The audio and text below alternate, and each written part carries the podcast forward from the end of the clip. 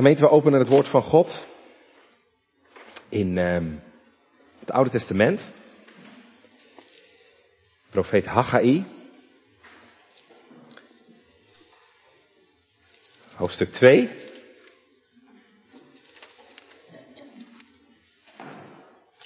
Hoofdstuk 2 van de profeet Haggai. Dat is uh, de derde en laatste kleine profeet van het Oude Testament. En u zal worden voorgelezen vanaf vers 2. Dus Haggai 2 vanaf vers 2 tot en met 10.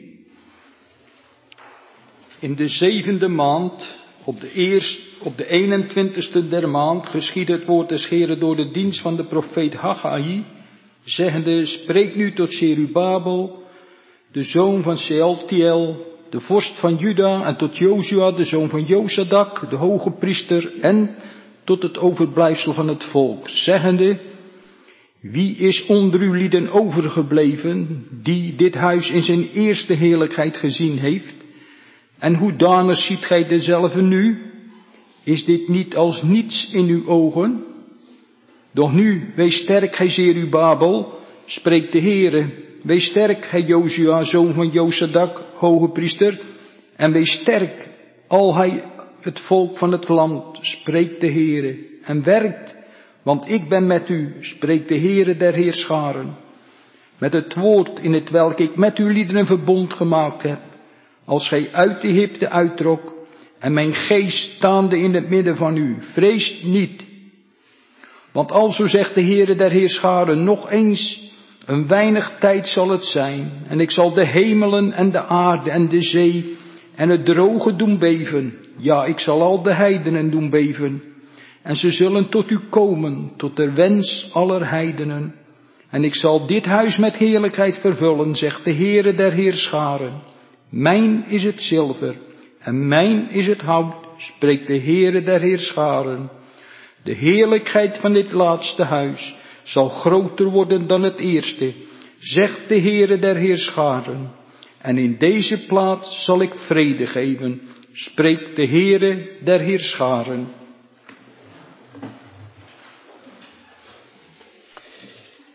Gemeente, op mijn kamer staat een plant.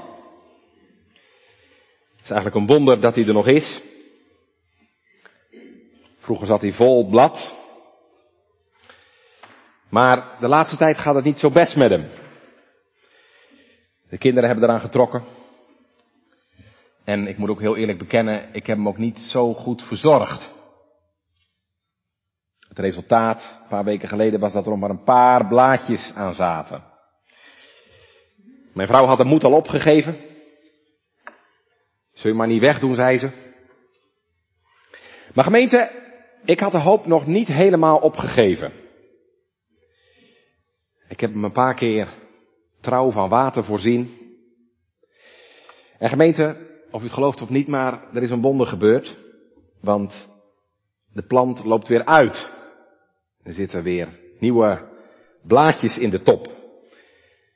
En ik heb goede hoop dat hij ooit weer in oude glorie mag bloeien. Ja, waarom vertel ik dit? Toen ik pas zo naar die plant zat te kijken en er zo over nadacht, dacht ik, die plant is eigenlijk een heel treffend beeld van de kerk. Soms bloeit hij, zit hij vol blad. dan lijkt het wel een beetje op die boom uit Psalm 1, die op zijn tijd met vruchten is beladen en sierlijk pronkt met onverwelkte bladen. Maar soms lijkt hij wel bijna uitgebloeid. En je denkt, dit wordt nooit meer wat. Maar gemeente, God in zijn grote genade denkt aan zijn kerk. En hij voorziet haar van nieuw leven. En dan gebeurt het wonder, er gaat weer iets bloeien. Want hij waakt over die plant. En hij belooft, zie, ik ben met u. En die belofte gemeente, Ik ben met u. Die geeft moed om ook onder heel moedbenemende omstandigheden toch door te gaan.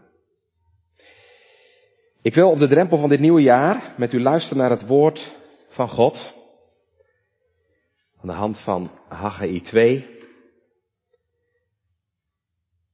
Wees sterk. Werk door. En wees niet bevreesd. Want ik ben met u. Haggai 2 is onze uitgangspunt voor de prediking zometeen. En we letten daarbij gemeente op een drietal gedachten. Want dit gedeelte bepaalt ons in de eerste plaats bij een ontmoedigende herinnering aan het verleden. Een ontmoedigende herinnering aan het verleden. Vers 4. Wie is er onder u overgebleven die dit huis in zijn eerste heerlijkheid gezien heeft? En hoedanig ziet gij het zelf nu? Is dit niet als niets in uw ogen? Een ontmoedigende herinnering aan het verleden. We letten in de tweede plaats gemeente op een bemoedigend woord voor het heden. Een bemoedigend woord voor het heden. Vers 5 en vers 6. Doch nu, wees sterk. Zerubabel, Jozua, al gij volk des lands. En werk, want ik ben met u. Met het woord, in het welk ik met u lieden een verbond gemaakt heb toen ge uit Egypte uittrok en mijn geest staande in het midden van u. Vrees niet. Een bemoedigend woord voor het heden en tenslotte een belofte van hoop voor de toekomst. Belofte van hoop voor de toekomst. Ga ik even naar vers 8b. En ik zal dit huis met heerlijkheid vervullen, zegt de Heere der Heerscharen. Een ontmoedigende herinnering aan het verleden, een bemoedigend woord voor het heden en een belofte van hoop voor de toekomst.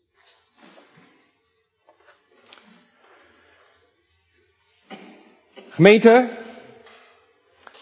wat is het moeilijk werken als je gedemotiveerd bent? Je zit in je examenjaar en je zit, je staat halverwege vijf onvoldoendes. Ja, wat is dan moeilijk? Om dan toch nog te blijven hopen op dat diploma, hè?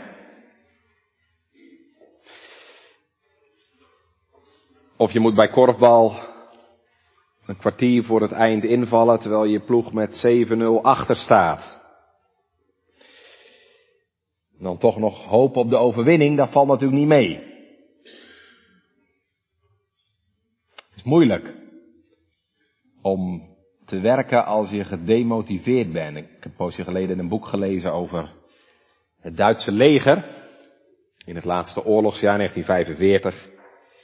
Nou ja, die soldaten vochten in een leger hè, dat door, ja, aan alle kanten omringd werd door de Amerikanen, de Engelsen, de Canadezen.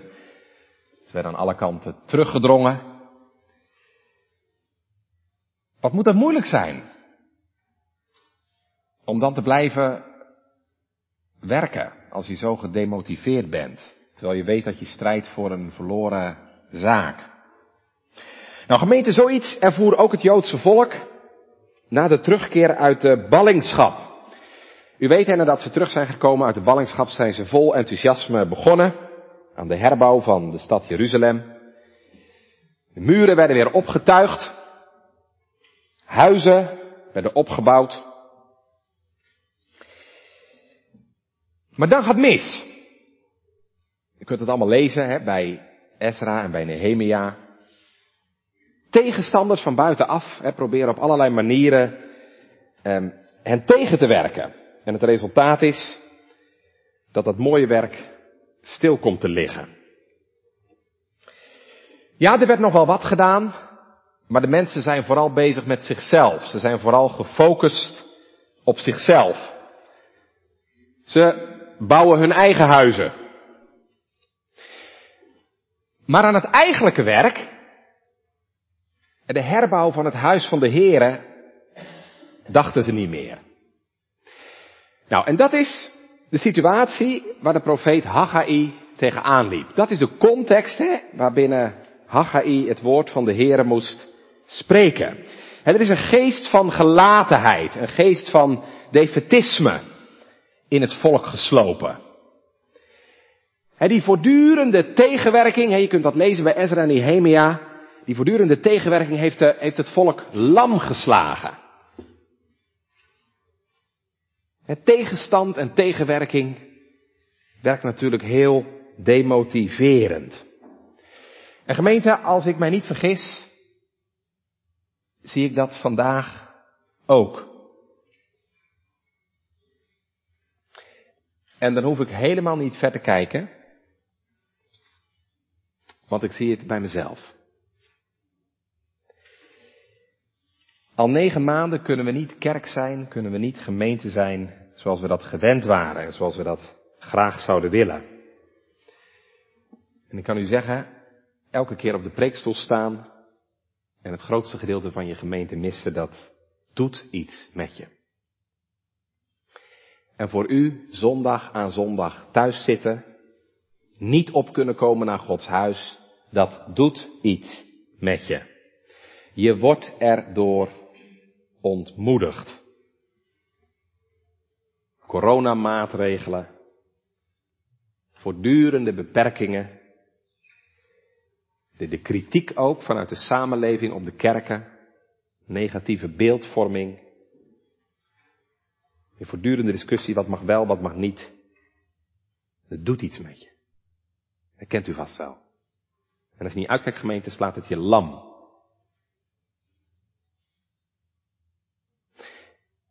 En één stap verder en je wordt er gelaten onder. He, kost het je moeite om nog energie te vinden om verder te gaan. En je ervoor in te zetten. Ik hoop natuurlijk dat wij nog niet zo ver zijn. Maar dat gevaar ligt wel terdege op de loer. Hier bij het Joodse volk is het al zover. De ijver en de inzet voor de Heer en zijn dienst is danig afgekoeld. Als u even terugkijkt, kijk even mee, als je even terugkijkt naar het vorige hoofdstuk, dan lezen we in vers 2, dit volk zegt, de tijd is nog niet gekomen.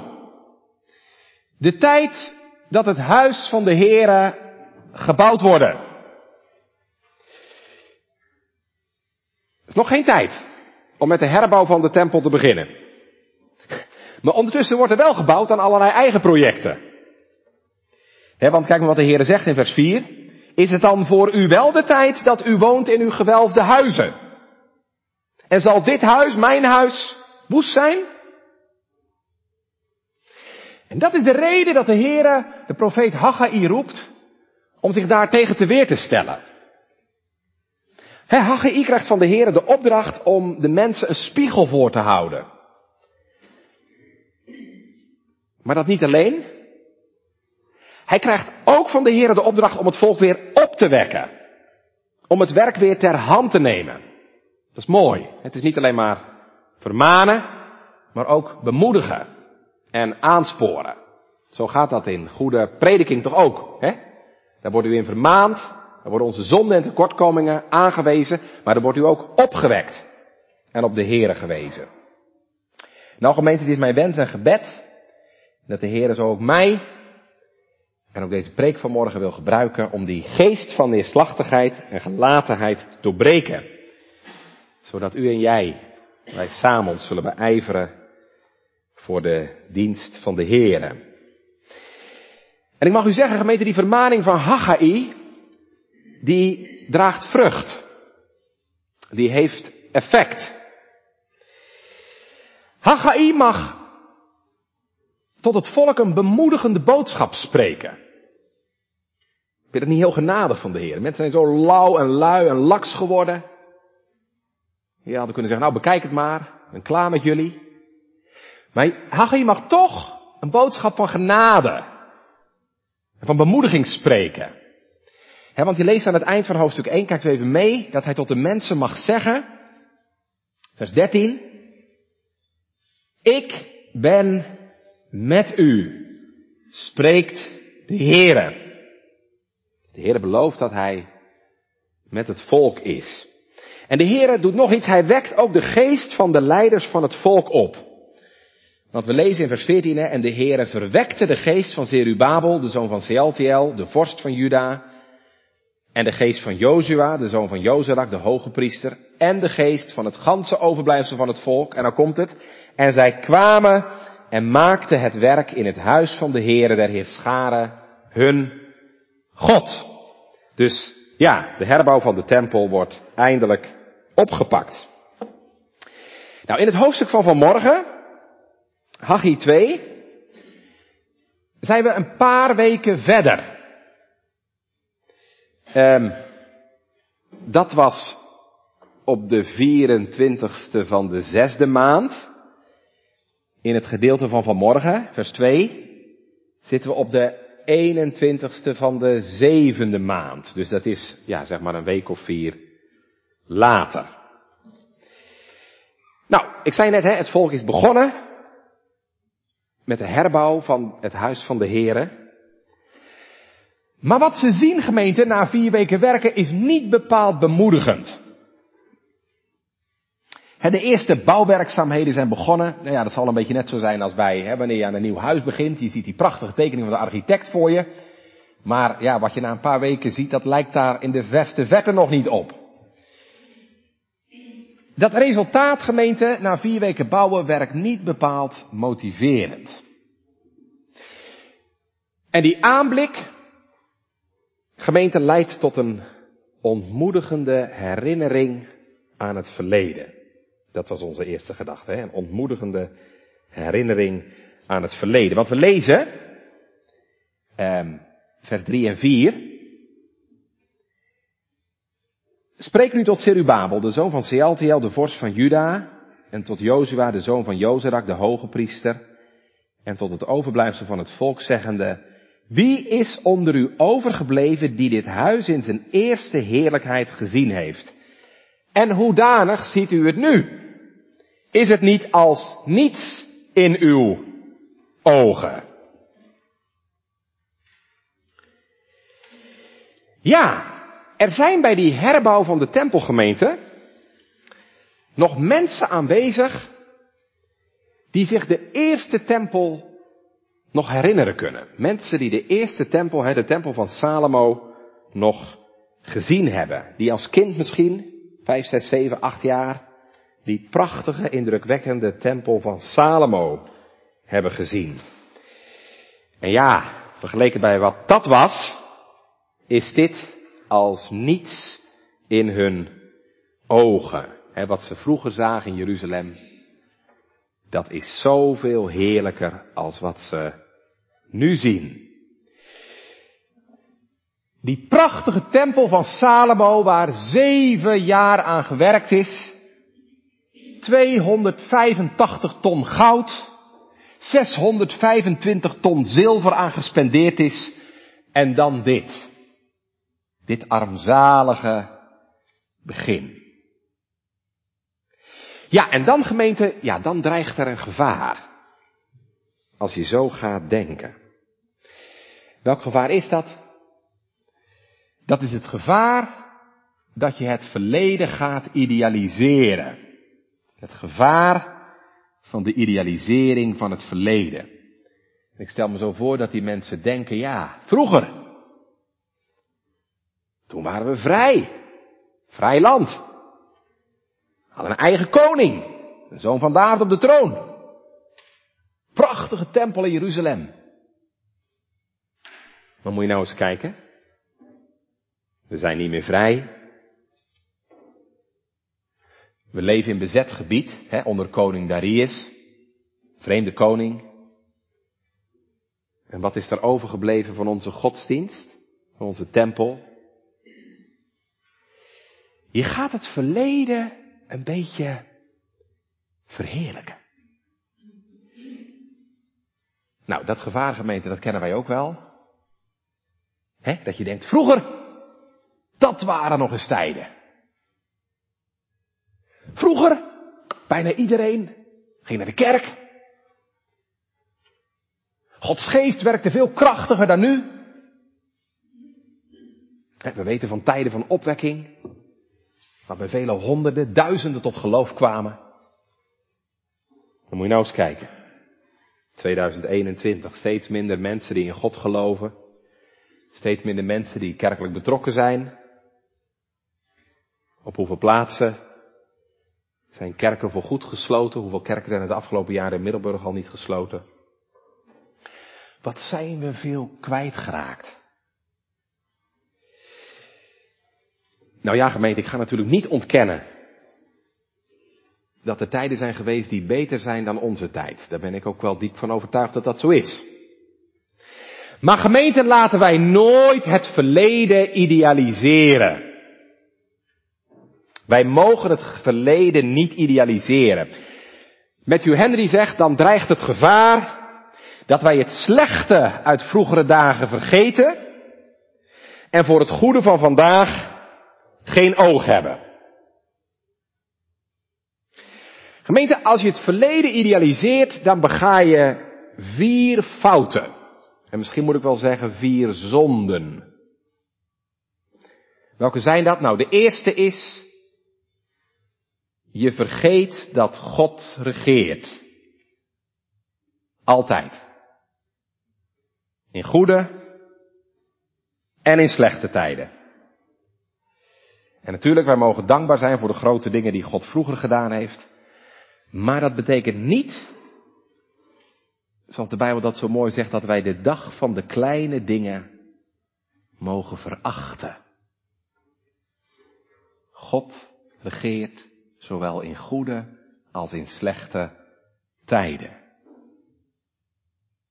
De tweede fout die je dan begaat, je vergeet dan dat God vandaag precies dezelfde is als toen. En dat de God die vroeger wonderen werkte, dat vandaag net zo goed kan doen. Derde fout, als je het verleden idealiseert, is dat je vergeet dat Gods belofte, ik ben met u, vandaag net zo goed geldt als vroeger. En de vierde fout die je begaat op deze manier, is dat je toegeeft aan de zonde van ongeloof. Hoezo? Nou ja, zo'n houding zorgt er natuurlijk voor dat je geen verwachting meer hebt. Dat je geen verwachting hebt dat God ook vandaag kan werken. En ja, het laat zich raden, waar geen verwachting is, gemeente, is ook geen gebed meer. dan word je afwachtend en apathisch. Dat is een grote zonde. Wij moeten beseffen, en nou draai ik die vier dingen even om. Wij moeten beseffen, gemeente, de Heere regeert. Ook vandaag. En hij is vandaag precies dezelfde als toen. En zijn belofte, ik ben met u, daar zit geen houdbaarheidsdatum op. En daarom mogen we ook vandaag verwachting hebben. Mogen we ook vandaag grote dingen van de Heere verwachten. Om de eenvoudige reden dat Hij nog steeds een grote God is. Kijk, en als je dat gelooft, dan zul je niet leidzaam toezien. Maar dan ga je je handen vouwen en bidden. En dan bid je, Heere, ontferm u over ons. Werk met uw geest onder ons. Want Heere, u bent de levende God, gisteren, heden en tot in eeuwigheid dezelfde. Ja, mensen zeggen wel eens het zijn slechte tijden. Het zijn moeilijke tijden. Weet u wat uh, Augustinus daarop zei? Het is een prachtige uitspraak van de kerkvader Augustinus. Hij zegt, de mensen zeggen het zijn slechte tijden, het zijn moeilijke tijden. Waarop Augustinus antwoordt, wij zijn de tijden. Ja, zoals wij zijn, zo zijn de tijden.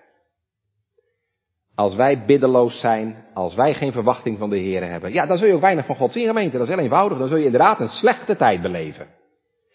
Dus Augustinus bedoelt, geef de schuld niet aan de tijd, maar kijk naar jezelf. Want wij zijn de tijden. De De Heer wil niet dat wij toegeven aan zulke negatieve gedachten. hij verwijt hier die idealisering van het verleden. Maar dat niet alleen. Hij komt ook met een woord van bemoediging. Dat is onze tweede gedachte. We hebben gelet dus op een ontmoedigende herinnering aan het verleden. Letten we nu gemeente in de tweede plaats op een bemoedigende aansporing voor het heden. Lees even mee wat we lezen in vers 5 en 6. Daar vind je die bemoediging van de Heer. Doch nu, wees sterk, gij Zerubabel, spreekt de Heer, en wees sterk, gij Jozua, zoon van Jozadak, hoge priester, en wees sterk, al gij volk van het land, spreekt de Heer, en werk. Want ik ben met u, spreekt de Heer der Heerscharen, met het woord, in het welk ik met u een verbond gemaakt heb, toen gij uit Egypte uittrok, en mijn geest, staande in het midden van u, vrees niet. Ja, let er eerst even op gemeente tegen wie dit gezegd wordt. We komen drie adressanten tegen. Dat is in de eerste plaats Serubabel. Wie is dat? Serubabel is een directe nazaat van koning David. Hij was de belangrijkste leider van het volk. Serubabel is zeg maar de wereldlijke overheid. Vervolgens Jozua, dat is de hoge priester. Zeg maar de geestelijke leider van het volk. En tenslotte zegt de Heere, al gij volk van het land. Dus u ziet, deze woorden zijn gericht tot alle mensen. Zowel de leiders van het volk als het volk zelf. Maar u ziet wel, de leiders gaan voorop. En ik denk, gemeente, ook daar zit een les in.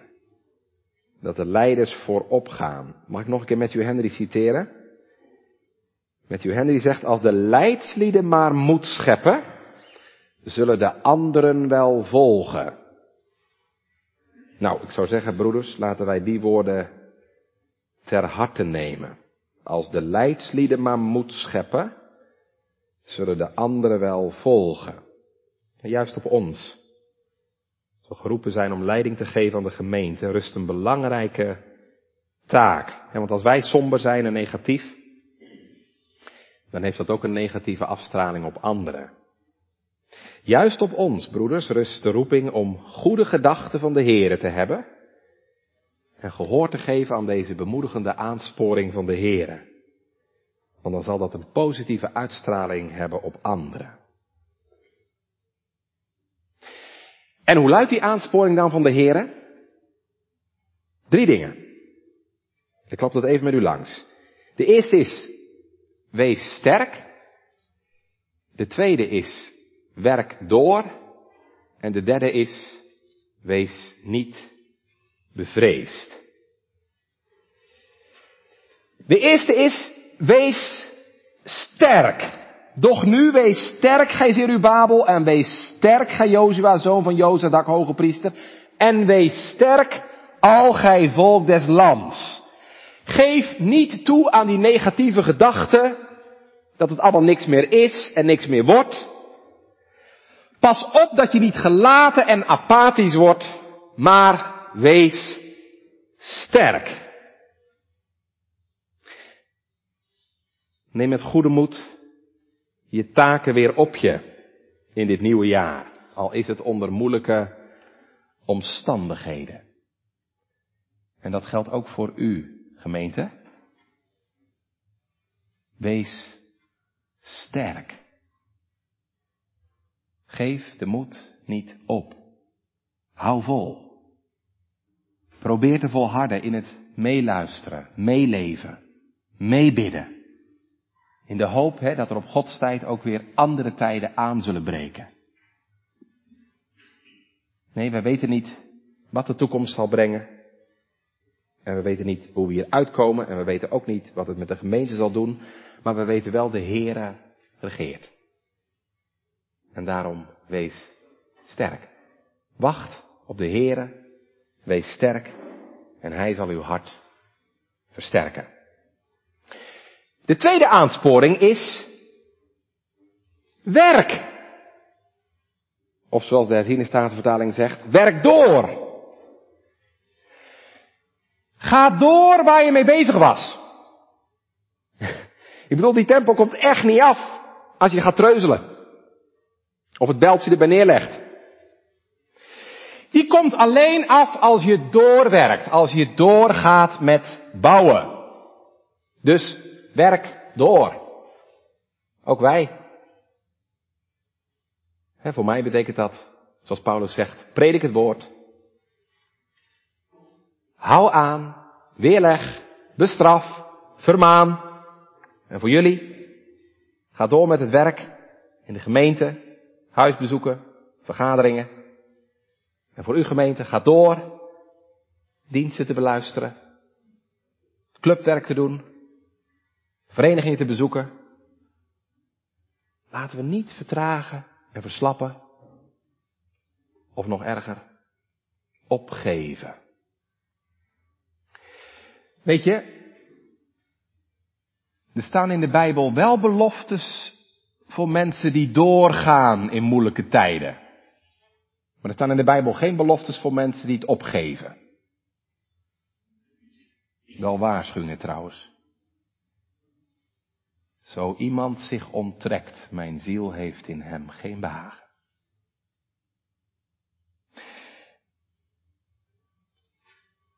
En dan de derde aansporing. Vrees niet. Nou ja, gemeente, dat is natuurlijk ook een, aans, een woord op zijn tijd. want wat zijn er vandaag veel zaken waardoor je bevreesd zou kunnen worden? Hoe zal het gaan 2021 met het coronavirus? want we zijn er nog niet vanaf, nu er weer nieuwe varianten de kop opsteken. En hoe zal het gaan met de onrust en de ontevredenheid in de samenleving? En hoe zal het gaan met de kerk en de gemeente? En hoe zal het gaan met het onbegrip in onze samenleving? Een samenleving die steeds meer moeite krijgt met kerken en christenen. Dat hebben we de afgelopen maanden wel gemerkt. Gisteren nog de oproep in de trouw. Kappen met die kerkdiensten. Maar gemeente, als je vreest, weet je wat je dan doet? Als je vreest, dan kijk je naar de omstandigheden. Maar dit woord leert ons om niet naar de omstandigheden te kijken, maar naar God. Weet u het nog met kerst? Wat zei de engel ook alweer? Wat was zijn eerste woord? Vrees niet! Nee, want Christus heeft alle reden tot vrees weggenomen. En als je ziet op Hem, hoef je niet bevreesd te wezen. Want Hij zegt, want ik ben met u. Ziet u het staan? In vers 5. En werk, want ik ben met u. En gemeente, dat is de basis onder deze drie aansporingen. Wees sterk, werk door, vrees niet. Waarom niet? Want ik ben met u. En dat is belangrijk dat je dat ziet, want je kunt natuurlijk wel zeggen, wees sterk, werk door, wees niet bevreesd, maar wat voor basis heb je daarvoor? Nou, als je ziet op jezelf en als je ziet op de omstandigheden niet. Maar nu zegt de Heer, ik ben met u. En dat maakt natuurlijk alle verschil. En stel je voor, je hebt een kind dat geplaagd wordt. Onderweg naar school zijn er van die vervelende jongens die je kind pesten. Nou kun je natuurlijk wel tegen hem zeggen voordat hij naar school gaat, joh, wees niet bang. Maar daar komt hij natuurlijk niet veel verder mee. Maar wat een verschil als je vader zegt, wees maar niet bang, want ik ga mee. Nou, dat is wat de Heer hier belooft. Ik ben met jullie. En wie is dat die ik ben? Nou ja, gemeente, dat is de Almachtige. Die alle dingen in de hand heeft. Dat is de getrouwe, die nooit laat varen de werken van zijn handen. Dat is de langmoedige, die zo'n geweldig groot geduld heeft met zwakke zondige mensenkinderen. Dat is de genadige, die steeds weer onze zonde en schuld wil wegnemen. En als hij dat zegt, wees sterk, werk door, wees niet bevreesd, ja dan kun je ook verder. En gemeente, wat de Heer hier belooft aan Israël, dat heeft hij ook beloofd, hè, aan zijn nieuwtestamentische gemeente. Wat zegt de Heer Jezus voordat hij naar de hemel gaat? Zie, ik ben met u al de dagen tot aan de voleinding der wereld. En de poorten van de hel zullen mijn gemeente niet overweldigen. Ja, en als je dat ziet en als je dat gelooft, dan mag je moed hebben op de Heer. En dan wijst de Heer hier ook op een garantie vanuit het verleden. Dat is het laatste waar ik bij dit tweede punt u nog even op wijzen wil. Um, we hebben gekeken naar die drie aanmoedigingen. Ik heb iets gezegd over de basis van die aanmoediging. Ik ben met u. Let tenslotte gemeente bij dit tweede punt nog even op de garantie vanuit het verleden. Dan ga ik even naar vers 6. Want ik ben met u, spreekt de Heere der Heerscharen, met het woord, in het welk ik met u een verbond gemaakt heb, toen u uit Egypte uittrok, en mijn geest, staande in het midden van u. hey, wat zegt de Heer hier? In de eerste plaats, hij wijst hen op het verbond dat hij met hen gesloten heeft. En gemeente, al is dat al heel lang geleden, hè, dat ze bij de Sinaï stonden, dat verbond dat is nog steeds geldig, dat is nog steeds waar. Het verbond waarin hij tot hen gezegd heeft, ik ben de Heere uw God, die u uit Egypteland, uit het diensthuis uitgeleid heeft, dat verbond geldt nog steeds. Ik ben nog steeds dezelfde, zegt de Heer. Zoals ik toen jullie heb uitgeleid en geholpen en verlost, zo zal ik dat nog doen. Want wie ik toen was, ben ik nog steeds. O gemeente, wat is dit een heerlijke garantie. Ook voor ons vandaag. De Heere is de God die trouw is aan zijn verbond. Die het verbond en de weldadigheid houdt. En dat doet hij ook aan zijn kerk vandaag. Weet u nog dat ik een paar jaar geleden met Nieuwjaarsmorgen gepreekt heb over Openbaringen 4? Wat zagen we toen? Er staat een regenboog rondom de troon. Rondom de troon van God staat een regenboog. Wat betekent dat? Dat betekent dat God onophoudelijk, 24-7, voortdurend aan zijn verbond gedenkt. Ik heb, dit was uw taal, een vast verbond gemaakt met mijn gunsteling die steeds mijn oog bewaakt. En die gunsteling, dat is de Heer Jezus Christus.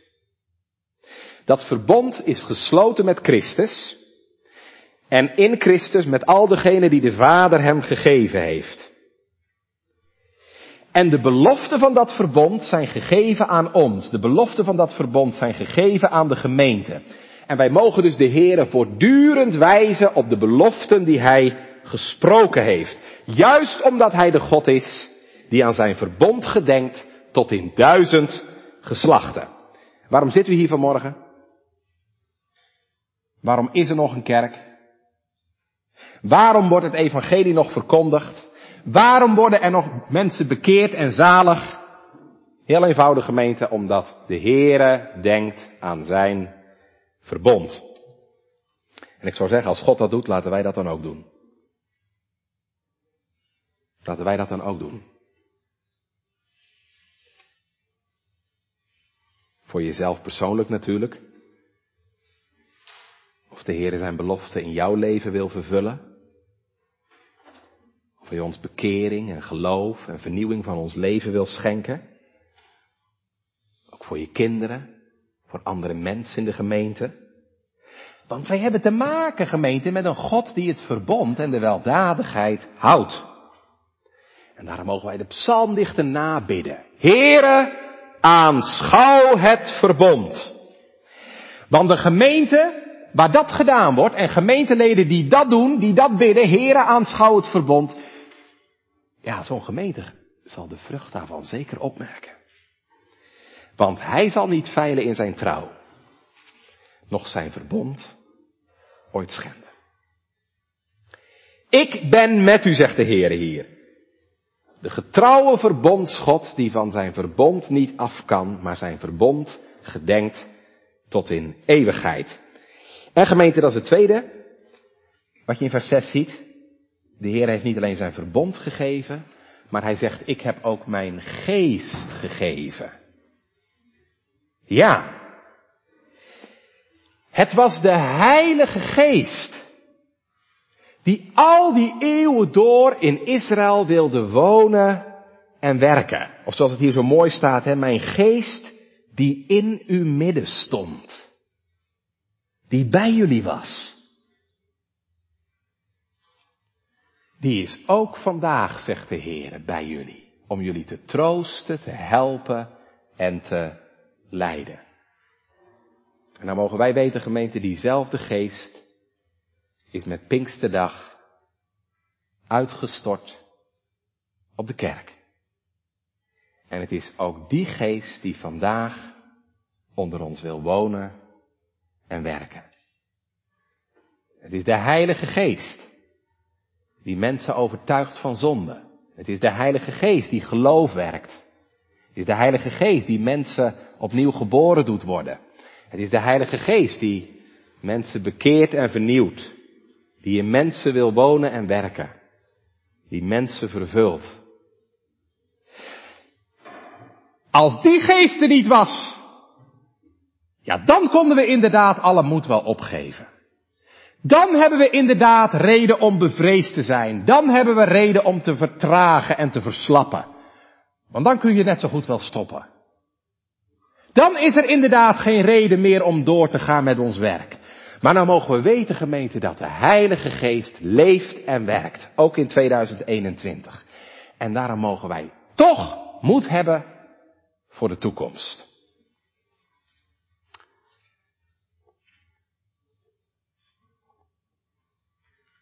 Er moeten nog mensen toegebracht worden tot een gemeente die zalig worden.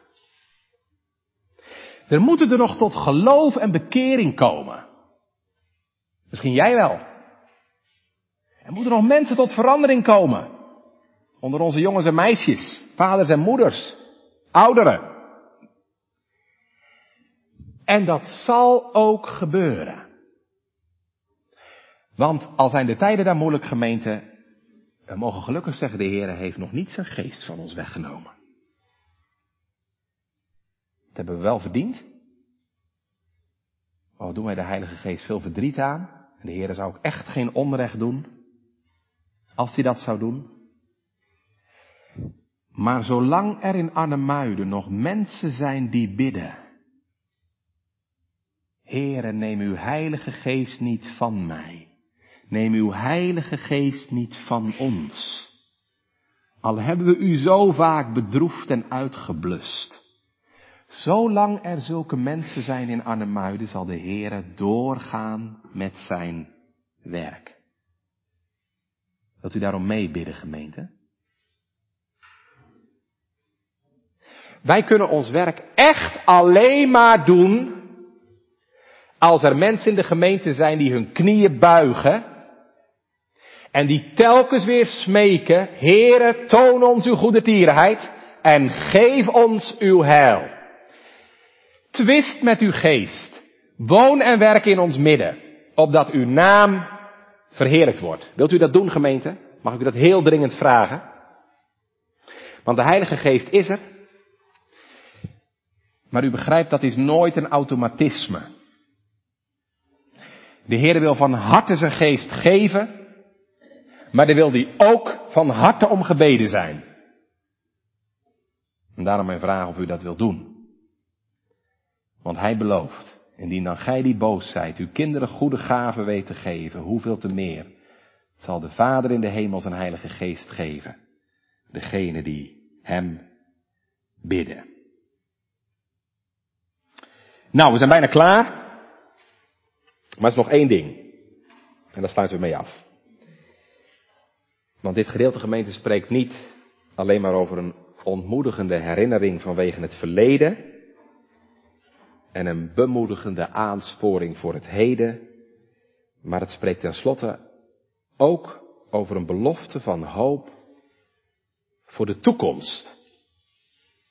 Lees u even mee, vers 7 tot en met 10. Ik zal het nog een keer lezen.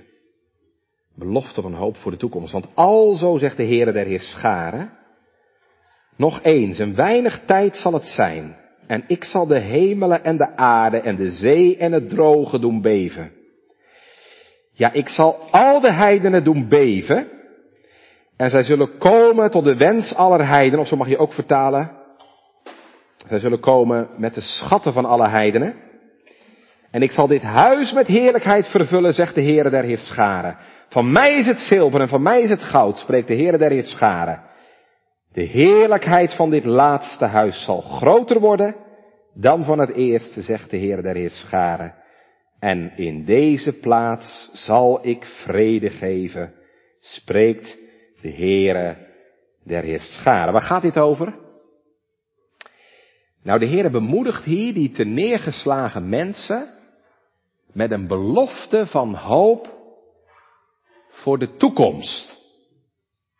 En dan gaat het in gemeente over de nabije toekomst en de verder weg gelegen toekomst. Want de Heere zegt, hè, dat huis dat jullie nou bouwen, waar jullie zo teleurgesteld over zijn, dat zal toch heerlijk worden. En wel om twee redenen. In de eerste plaats omdat de heidenen jullie van alles zullen voorzien wat je nodig hebt om het huis te bouwen. En in de tweede plaats, omdat in dit huis de Messias zal komen. Het eerste is dus, de heidenen zullen de Joden voorzien van het materiaal wat ze nodig hebben om het huis af te krijgen. Er staat, vers 8, ik zal al de heidenen doen beven en ze zullen komen met de schatten van alle heidenen. U ziet hier, de Statenvertaling vertaalt dat hier met de wens van alle heidenen, maar eh, bijbelgeleerden vandaag zijn het er toch wel over eens dat het een betere vertaling is om dat te vertalen met de schatten van de heidenen. En dat past trouwens ook wel beter bij het vervolg, hè? Over dat zilver en dat goud in vers 9. Dus de Heere belooft dat de heidenen zullen komen met zilver en goud. Waar gaat het over? Nou, dat slaat hier op de teruggave van de tempelschatten die Nebukadnezar geroofd heeft. maar die koning Kores later heeft teruggegeven. En ten diepste was het niet Kores die dat gaf, maar het was de Heere zelf. want ook de schatten van de heidenen staan onder zijn beschikking. Daarom lezen we ook in vers 9, van mij is het zilver en van mij is het goud, spreekt de Heere der Heerscharen. En zo zullen de Joden het huis toch af kunnen maken. Dat is de eerste reden waarom dit huis toch heerlijk zal worden. En de tweede reden, gemeente, dat is natuurlijk nog veel belangrijker. In dit huis zal straks de Messias komen. En daarom Kijk u even mee naar vers 10, hè. De heerlijkheid van dit laatste huis zal groter worden dan van het eerste. En dat is niet omdat die tweede tempel er mooier uitzag, want die was veel bescheiden, die zag er veel minder mooi uit dan de tempel van Salomo. En toch zal die heerlijker zijn, omdat in dit huis de Messias zal komen. En dan zal deze belofte het ten volle in vervulling komen. Ik zal dit huis met heerlijkheid vervullen. En vers 10, en in deze plaats zal ik vrede geven. Nou, die belofte gemeente die is vervuld hè, in de Heere Jezus. Heerlijkheid en vrede. Kijk maar mee. Wat zongen de engelen bij de geboorte? Vrede op aarde in de mensen van het welbehagen. En een paar dagen later horen we bij de tempel die oude Simeon zingen. Een licht tot verlichting der heidenen en tot heerlijkheid van uw volk Israël. Dus in dit kind, de Heer Jezus, zal de heerlijkheid van God zichtbaar worden. Wij hebben zijn heerlijkheid aanschouwd.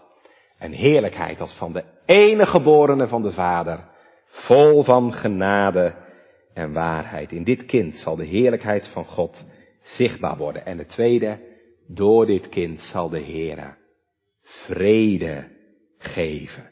want hij zal de vrede herstellen tussen God en zondaren.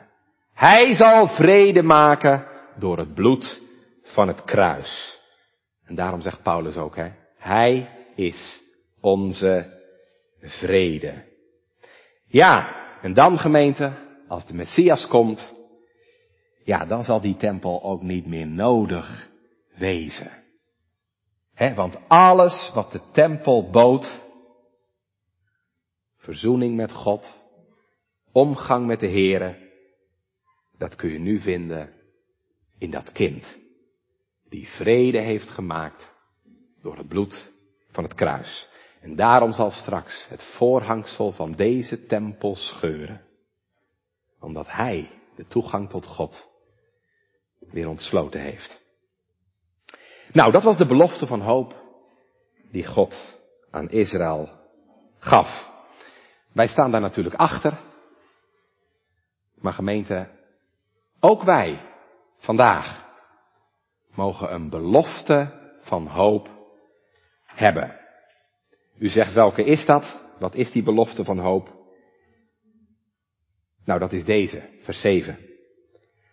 Want zo zegt de Heere der Heerscharen. Nog eens. Een weinig tijd zal het zijn.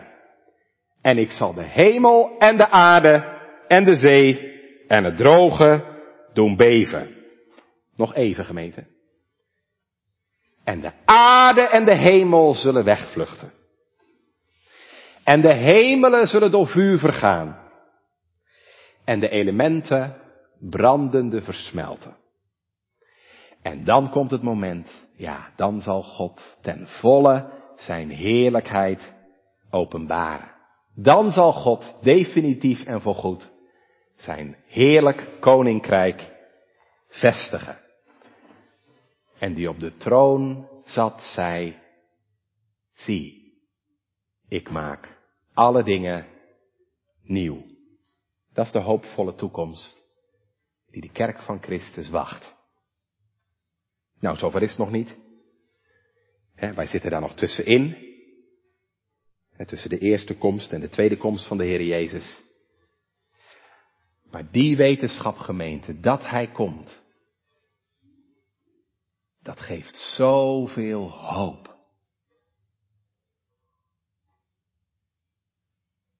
U ook? Ja, als je dat nou geen hoop geeft, dan bid dan gemeente dat het dit jaar anders mag worden natuurlijk, hè? Dat je die toekomst niet vol vrees tegemoet hoeft te zien. Maar dat je net als artikel 36 van de Nederlandse geloofsbelijdenis mag zeggen. Wij verwachten die dag met een groot verlangen om ten volle te genieten de belofte Gods in Jezus Christus onze Heer. Dat kan. Dat mag u vragen. Want u hebt het vanmorgen gehoord. De Heere is de getrouwe. Hij is de verbondsgod die vanwege zijn verbond doorgaat met zijn werk en die nog steeds zijn geest in ons midden wil stellen om zondaren te bekeren. En ik zou zeggen, laten we daarom ook in 2021 veel verwachting van de Here hebben. Laten we in alle ootmoed pleiten op zijn verbond en bidden om zijn Heilige Geest. Zodat, net als die plant op mijn studeerkamer, de plant van de hervormde gemeente aan de Muiden niet verschraalt, maar bloeien mag. En wij vanmorgen gehoor mogen geven aan deze oproep van de Heere. Wees sterk, werk door en wees niet bevreesd.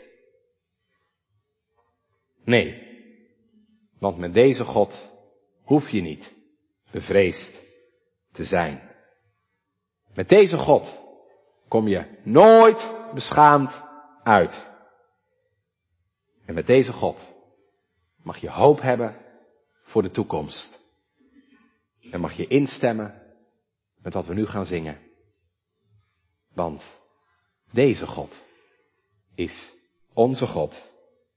Hij is ons deel, ons zalig lot, door tijd nog eeuwigheid te scheiden.